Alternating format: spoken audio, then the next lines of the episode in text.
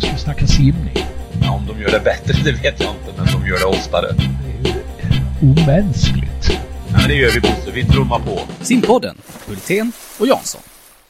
Då så ska ni alla vara hjärtligt välkomna till simpodden Hultén och Jansson. Vi har kommit fram till upplaga nummer 187. 187. Eh, det här är ett, eh, ska vi säga, mitt i OS eh, podd eh, inspelningsprogram för er. Eh, vi ska alldeles strax eh, kommentera open water simning andra dagen och Thomas du har varit eh, i full fart här under ett antal dagar för att kommentera simning på Discovery. Eh, om du skulle titta tillbaka på den här veckan där du har suttit i rutan och tyckt och snackat och tjötat simning. Eh, vad är det stora, stora intrycket du har med dig där? Ja, det är att världssimningen fortsätter och växer. Alltså det är fler och fler länder som, inte så många fler som tog medaljer. Men det är fler, jag tror det blev 21 stycken till slut som tog medaljer innan vi är framme vid öppet vatten. Eh, och, och det kan ju ligga någonstans där 17, 18 upp till 20. Men, men det är fler länder som är med på platserna bakom.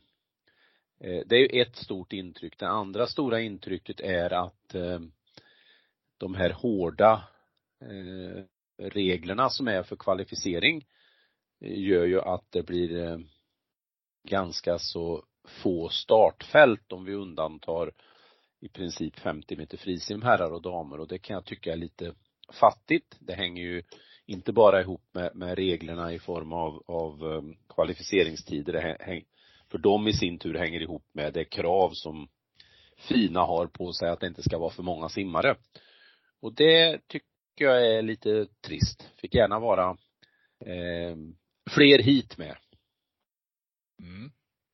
Eh, vissa grenar var det riktigt tunt. Eh, till exempel 200 fjärilsim damer och 400 medley damer. Det var faktiskt så att man hade inte behövt simma semifinal på, eh, försök, förlåt mig, på 400 meter medley om eh, vi inte hade fått en sen strykning va? Ja, det var så. 200 medley. Ja, det var 200 medley. Ja, ja. Men eh, nej, man ju, nu är ju regelverket sån om jag inte är helt feluppdaterat att då simmar man för att få positioneringen på banorna. Mm, mm. i semifinalen, även om det Men då bara var 16. oaktat detta, eh, så, eh, vad reglerna än säger, så är det ju illavarslande att man inte ska eh, behöva simma försöken för att kunna urskilja dem, tycker jag. Och det är jättetrist det. det blir, då, då blir ju vår idrott och ser lite fattig, mycket fattigare ut än vad den är, vad när det i själva verket är, är tvärtom. Även om man kan konstatera att när det gäller kvaliteten på de där grenarna eh, så är ju den, eh, är det en tillbakagång. Mm. Ja, det är en del grenar som eh, inte bara står och stampar på plats utvecklingsmässigt utan också har gått tillbaka. Har du några exempel på det?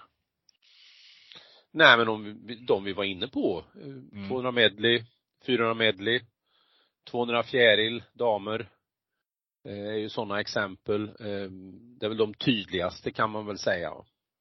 Det blir mer och mer en positionering mot att, att det ska vara 50 och 100 och kanske 200 meters distanserna mest som, som gäller och um, det, det tror jag inte är bra för våran idrott. Nej.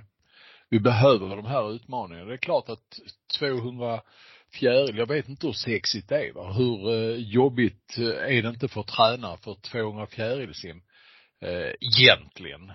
Alltså ska man, ska man, ska man vara en gedigen fjärilsimmerska måste man ju träna. För eh, att kunna simma 200 fjäril. Det är inte så många som eh, orkar det idag tror jag. Sen, nej, och sen är det ju en, eh, en praktisk sak att eh, du behöver nog simma en hel del fjärilsim och det kräver också plats på banor och så vidare och, mm. och då är det ju länder som Sverige och, och, och, så som kanske inte alltid har de bästa förutsättningarna. Men det är ju en marknad för den som är lite talang där ute i landet att eh, ta tag i de distanserna. Mm. Det är ju eh, något att tänka på för vi såg ju samma tendens när vi tittade på svenska mästerskapen.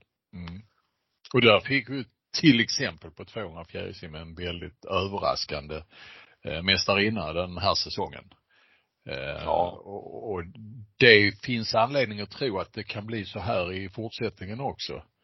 Eh, på andra distanser. Ja. Mm. Mm. Så att det var väl ett intryck då. Sen, eh, Ja, mer. ja, eh, Shoot sen om man shoot. Ja, shoot man shoot.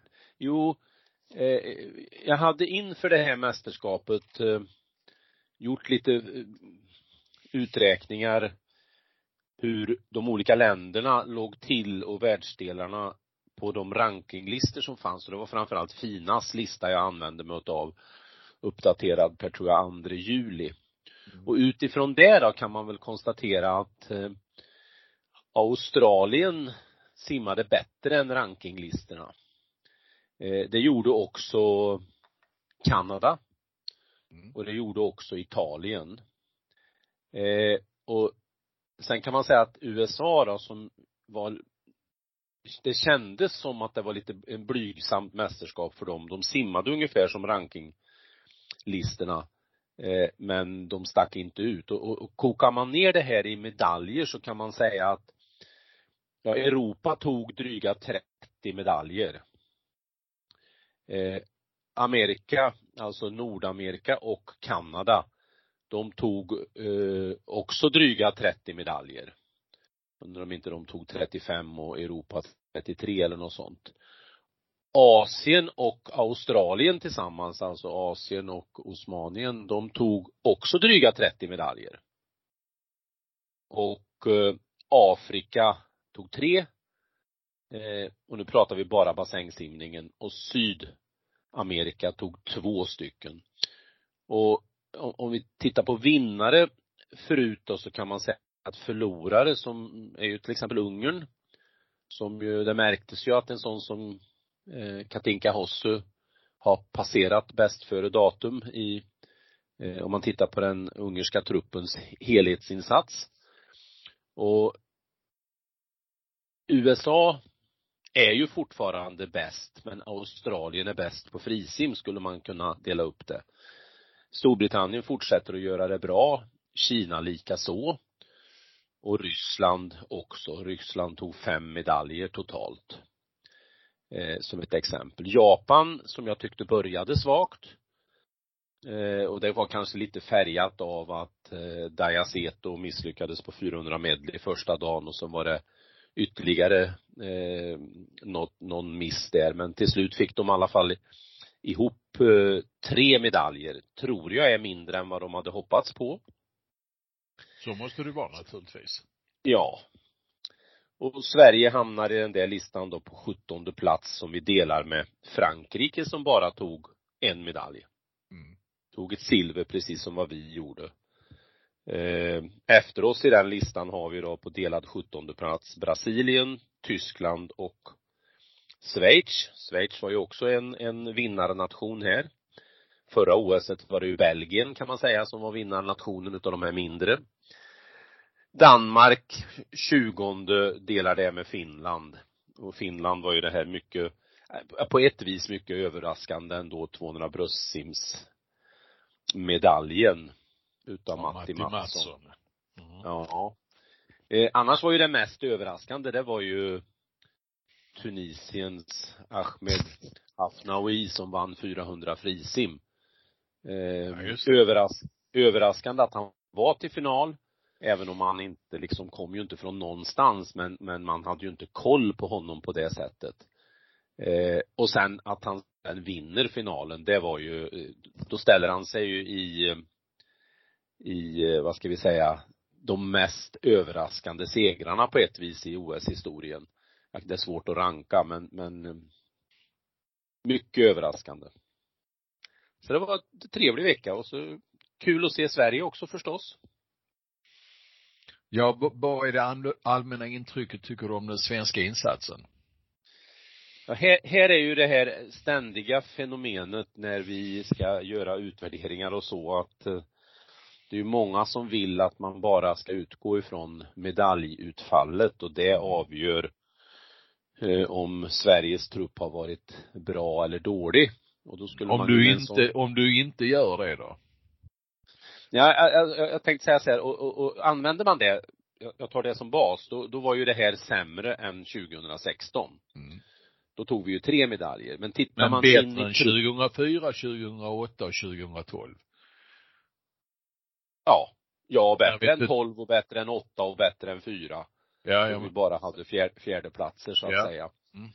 Eh, men, men om man tittar, om vi jämför 2016 och 2021 då, då, då klarade sig ju truppen bättre den här gången än 2016. 2016 fler medaljer men på personbästa nivå så var 2016 totalt sett ganska så skralt. Missade till exempel att gå till final på 4 gånger 100 medley trots att vi året före hade tagit silvermedalj.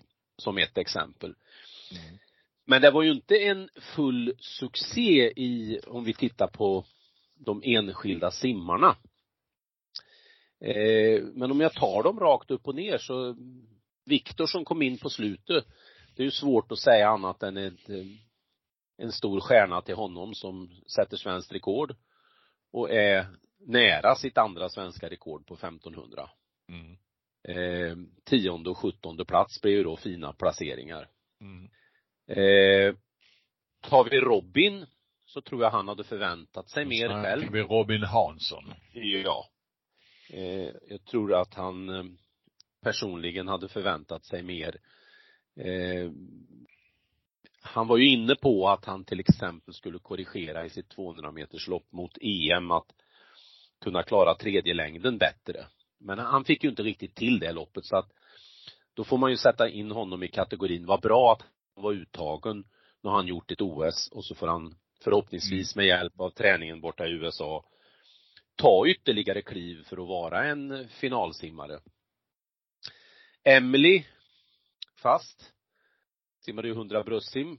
Mm. En, en, om, vi undantar det där försöksloppet på EM så var ju det här ett lopp i paritet med vad hon gjorde på EM och har gjort så att lite samma sak. Bra att hon var hit, med hit. Eh, Björn Seliger eh, hade jag egentligen inte förväntat mig att han skulle göra om tiden från Rom. Eh, Den gjordes ju efter en period när han har gjort flera, flera lopp på dryga 22 sekunder, några hundradelar över. Och visst, det hade kunnat bli en ny tid under 22 men samma sak där att jag tycker det var bra att han var dit men men de här tre simmarna i ett, ja, med en hårdare granskning eh, när de kommer nästa gång på ett OS, då förväntar man sig att de sätter personligt rekord när de kommer till OS. Mm. Eh, Erik, eh, nu har han också fått simma. Persson. Erik Erik Persson, ja. Jag är Slarvig, Kungsbackas Ja, ja. stora son. Mm. Eh, EM-medalj i våras. Och nytt personligt rekord och svenskt rekord. En fantastiskt fin eh, simning på EM. Jag är helt övertygad om att han hade helt andra eh, eh, förväntningar på sig än vad det blev. Självklart simmar OS-final. Det är ju ändå stort. Ulrika Sandmark när hon summerar har ju rätt i att det är ju inte så många genom historien som har gjort det. Och på herrsidan får vi ju backa bandet till eh, Stefan Nystrand 2008 som ju då tog två finalplatser. Mm. Eh, sen då om vi går in och tittar på eh, de här som deltog i laget. Ja, vi kan väl ta Sara Junevik först. Jag tror det blev en en ganska svår uppgift för henne. Hon sätter ju, hon, hon får ju till det väldigt bra i slutet på EM. Med, eh, sätter personligt rekord på 50 fjärilsim, simmar EM-final på 50 fjärilsim. Eh, gör en jättefin lagkapp där på 54 och 3. Jag tror inte hon hade förväntat sig att simma på 55 och 7 som jag tror det blev nu. Ehm, Kanske till och med 55 och 8. Ja men det var Ja. 55 och höga i alla fall. Ja. Eh, och det är klart att få göra den lagkappen i det läget med stort tryck på sig och vilja vara den som också får simma i finalen. Det är det är en svår uppgift. Det, det är ju det att komma ut sådär. Eh, så jag hoppas att hon också tar med sig positiva saker och, och kan tänka mer på EM och så har hon ju nu varit på ett OS. För det, det var lite olikt Sara Junevik för att jag har alltid varit imponerad av att hon har tålt den där extra pressen. Eh, det har hon ju visat på junior-VM till exempel och, och så att ju, ju semifinal har blivit bättre än försöken och final bättre än, än semifinal. Eh, så det här var nog bara ett hack i skivan.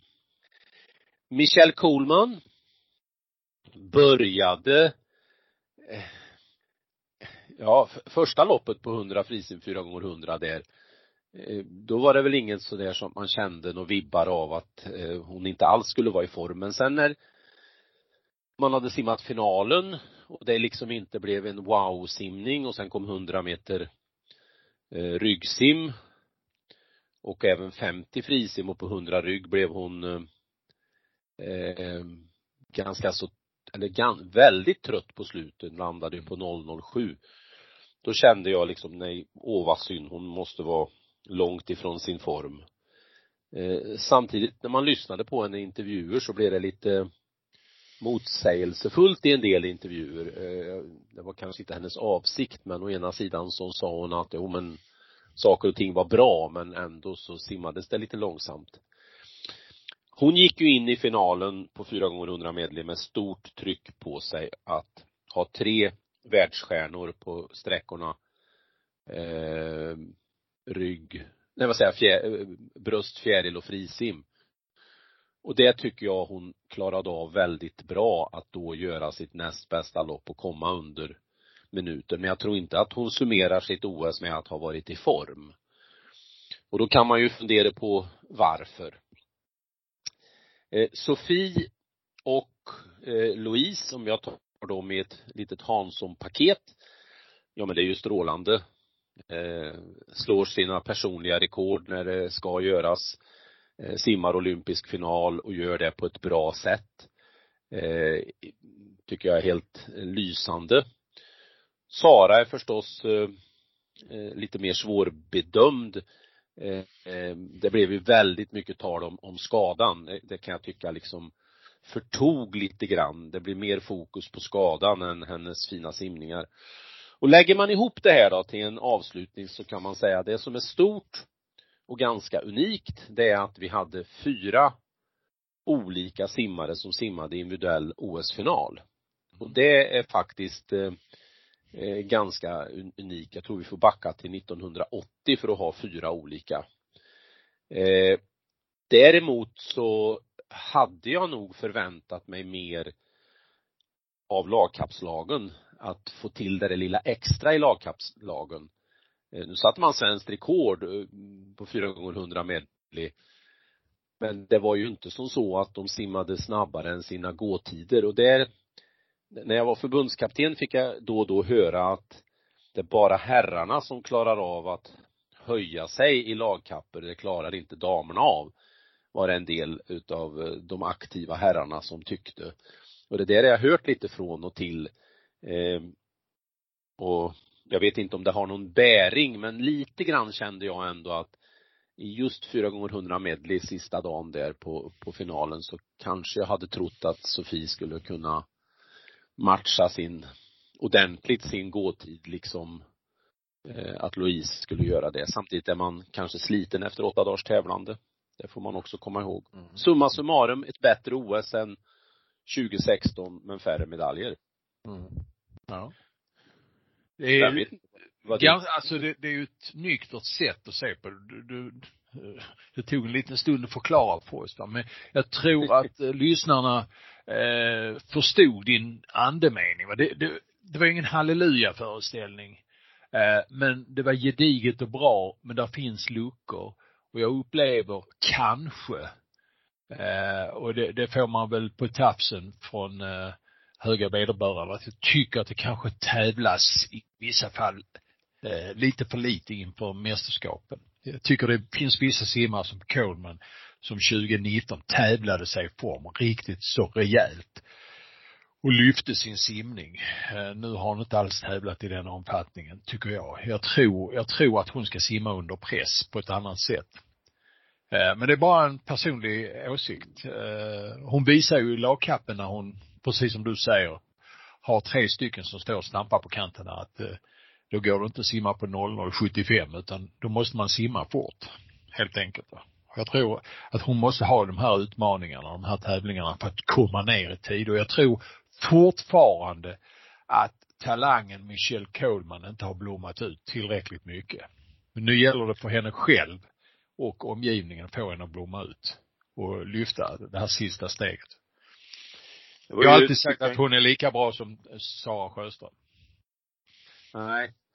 Eh, jag tycker det var intressant att Ulrika i sin eh, intervju i tvn eh, när hon sammanfattade påpekade att allihop ska vara med mot Paris. Jag var annars lite bekymrad för att Michelle eventuellt skulle trappa ner sin karriär. Så det var ju positivt med tanke på att, och det är ju ett tema vi har varit inne på, avståndet mellan de här landslagssimmarna och övriga simsverige har tyvärr växt. Så det mm. står inte liksom sju andra Michelle Coleman och, och, och stampar för att liksom peta bort henne.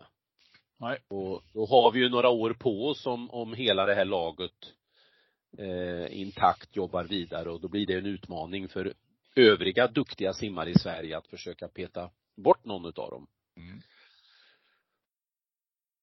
Ja. Mm. Är det vår OS-sammanfattning?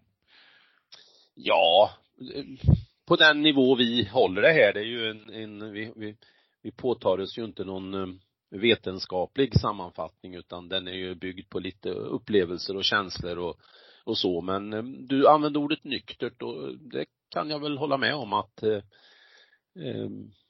hyfsat objektivt sätt att se på en, på ett, eh, en OS-insats. Mm. Bra. Du, det finns fler eh, OS-insatser att eh, titta lite på. Om vi skulle först eh, bara innan vi går vidare på OS-temat berätta om mötet i lobbyn. Ja, eh, jag hade varit inne och ätit frukost tror jag och så kom jag gående i lobbyn och så hör jag någon säga Thomas. Och så ser jag en, en, eh, en man i, ja, 35-40 års åldern. Och så blir det den där korta eh, sekvensen av vem är det där? Eh, och, och, i det läget så tänker jag måste jag skapa mig tid. Men så har jag som tur att personen i fråga eh, börja prata. Och då hör jag att han pratar skånska. Och då helt plötsligt blev det mycket lättare. Då var det ju Martin Gustavsson, den eh, mycket, mycket duktiga bröstsimmaren som vi hade i landslaget under en period på början av 2000 fram till 2008. Han hade ju lite otur där med att bli väldigt sjuk på OS-uttagningarna i Eindhoven 2008. Då var det han som var på samma hotell som, som jag har bott här i 14 dagar och firade med sin familj att vara i, i Stockholm. Så det var lite kul. Martin Gustafsson dök upp där. Mm. Jag tror du sprang på honom också nu va, i Så är det. Idag. Så är det absolut ja. Martin Gustafsson som hade alltså svenska rekord på 50, 100 och 200 meter bröstsim var OS-deltagare 2000 och eh, 2004 ska sägas också. Tog massor. Han var väl som bäst på 200 egentligen. Ja, det var han. Eh, han gjorde ju 207 i kortbanan på 200 meter bröstsim. Var det väl? Vill jag minnas. Ja. 34 SM-guld tog han. Eh, så var det ja, det var lite kul.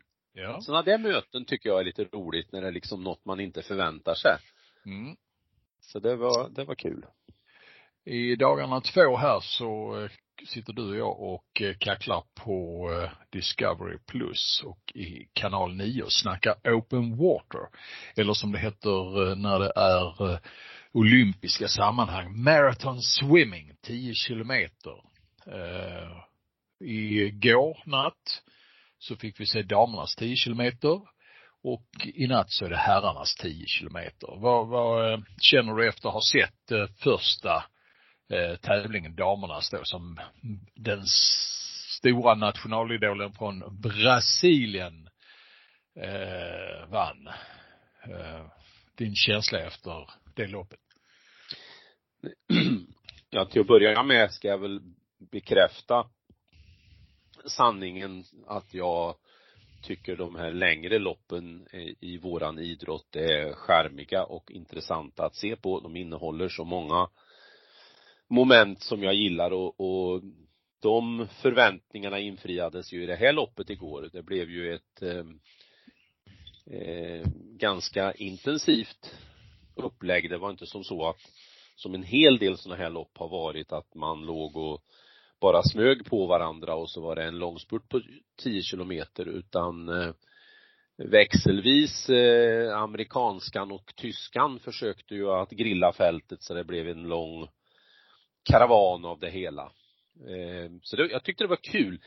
Och sen var jag lite bekymrad inför sändningen för jag, jag tittade igenom Rio eh, filmen som eh, eller från Rio, öppet vatten i Rio och det kan ju vara väldigt svårt att följa det här tv-mässigt men det tyckte jag man klarade bättre nu vi fick oftare mellantider. De simmade ju en sjuvarvsslinga på dryga 1400.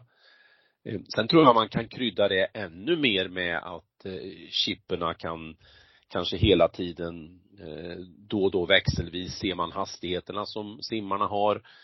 Man kan jobba lite mer kanske med mm, färger på badmössor och så vidare för att det ska bli ännu tydligare. Eller att flaggor hela tiden syns. Det såg vi ju då och då, dök upp en flagga på ledaren. Så jag tror det går att jobba med det tekniska betydligt mer för att ge det en rättvisa även i en tv-sändning. Så det var kul och om ett par timmar börjar vi ju eh, när vi spelar in det här så är det ett par timmar kvar innan vi ska sända herrarnas fight där jag tror det kommer att bli en, ja, kanske sex, sju simmare som gör upp om det hela. Mm. Mm.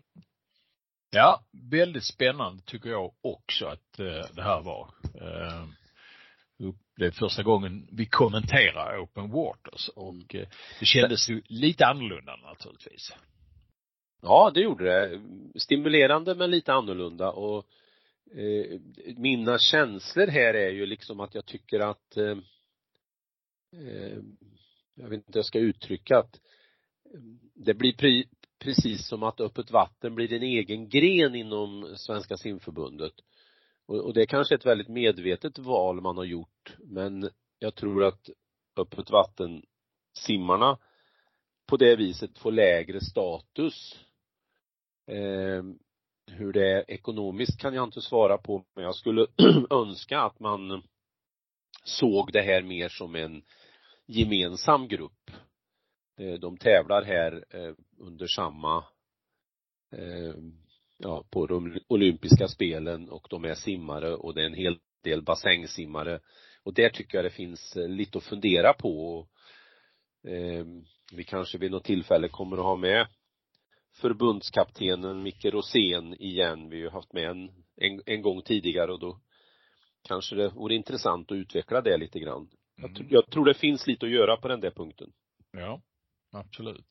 Och vi ska som sagt var ta oss an detta eh, i natt också och eh, när ni kanske eh, lyssnar på det här så vet ni ju resultaten från herrarnas tävling och eh, utfallet därifrån. Ja, du Jansson, har vi något mer att säga eh, till vårt försvar här i sammanhanget innan vi eh, lägger på eh, luren?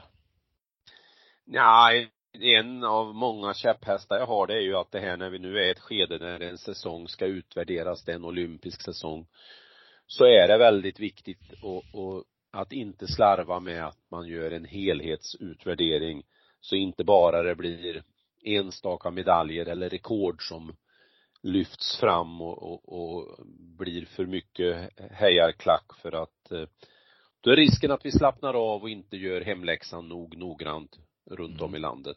Mm. Mm. Ja, spännande är det att eh, snacka och syssla med simning. Och eh, därmed så packar vi en eh, trunken för den här gången. tackar för att ni var med och lyssnade och eh, hörs eh, i simpodden Hultén och Jansson nummer 188 inom en någorlunda kort framtid. Ha det bra, ha det bäst och så hörs vi. Nu ska vi snacka simning. Ja, om de gör det bättre, det vet jag inte, men de gör det oftare. Det är ju omänskligt. Ja, det gör vi Bosse, vi trummar på. Simpodden, Hultén och Jansson.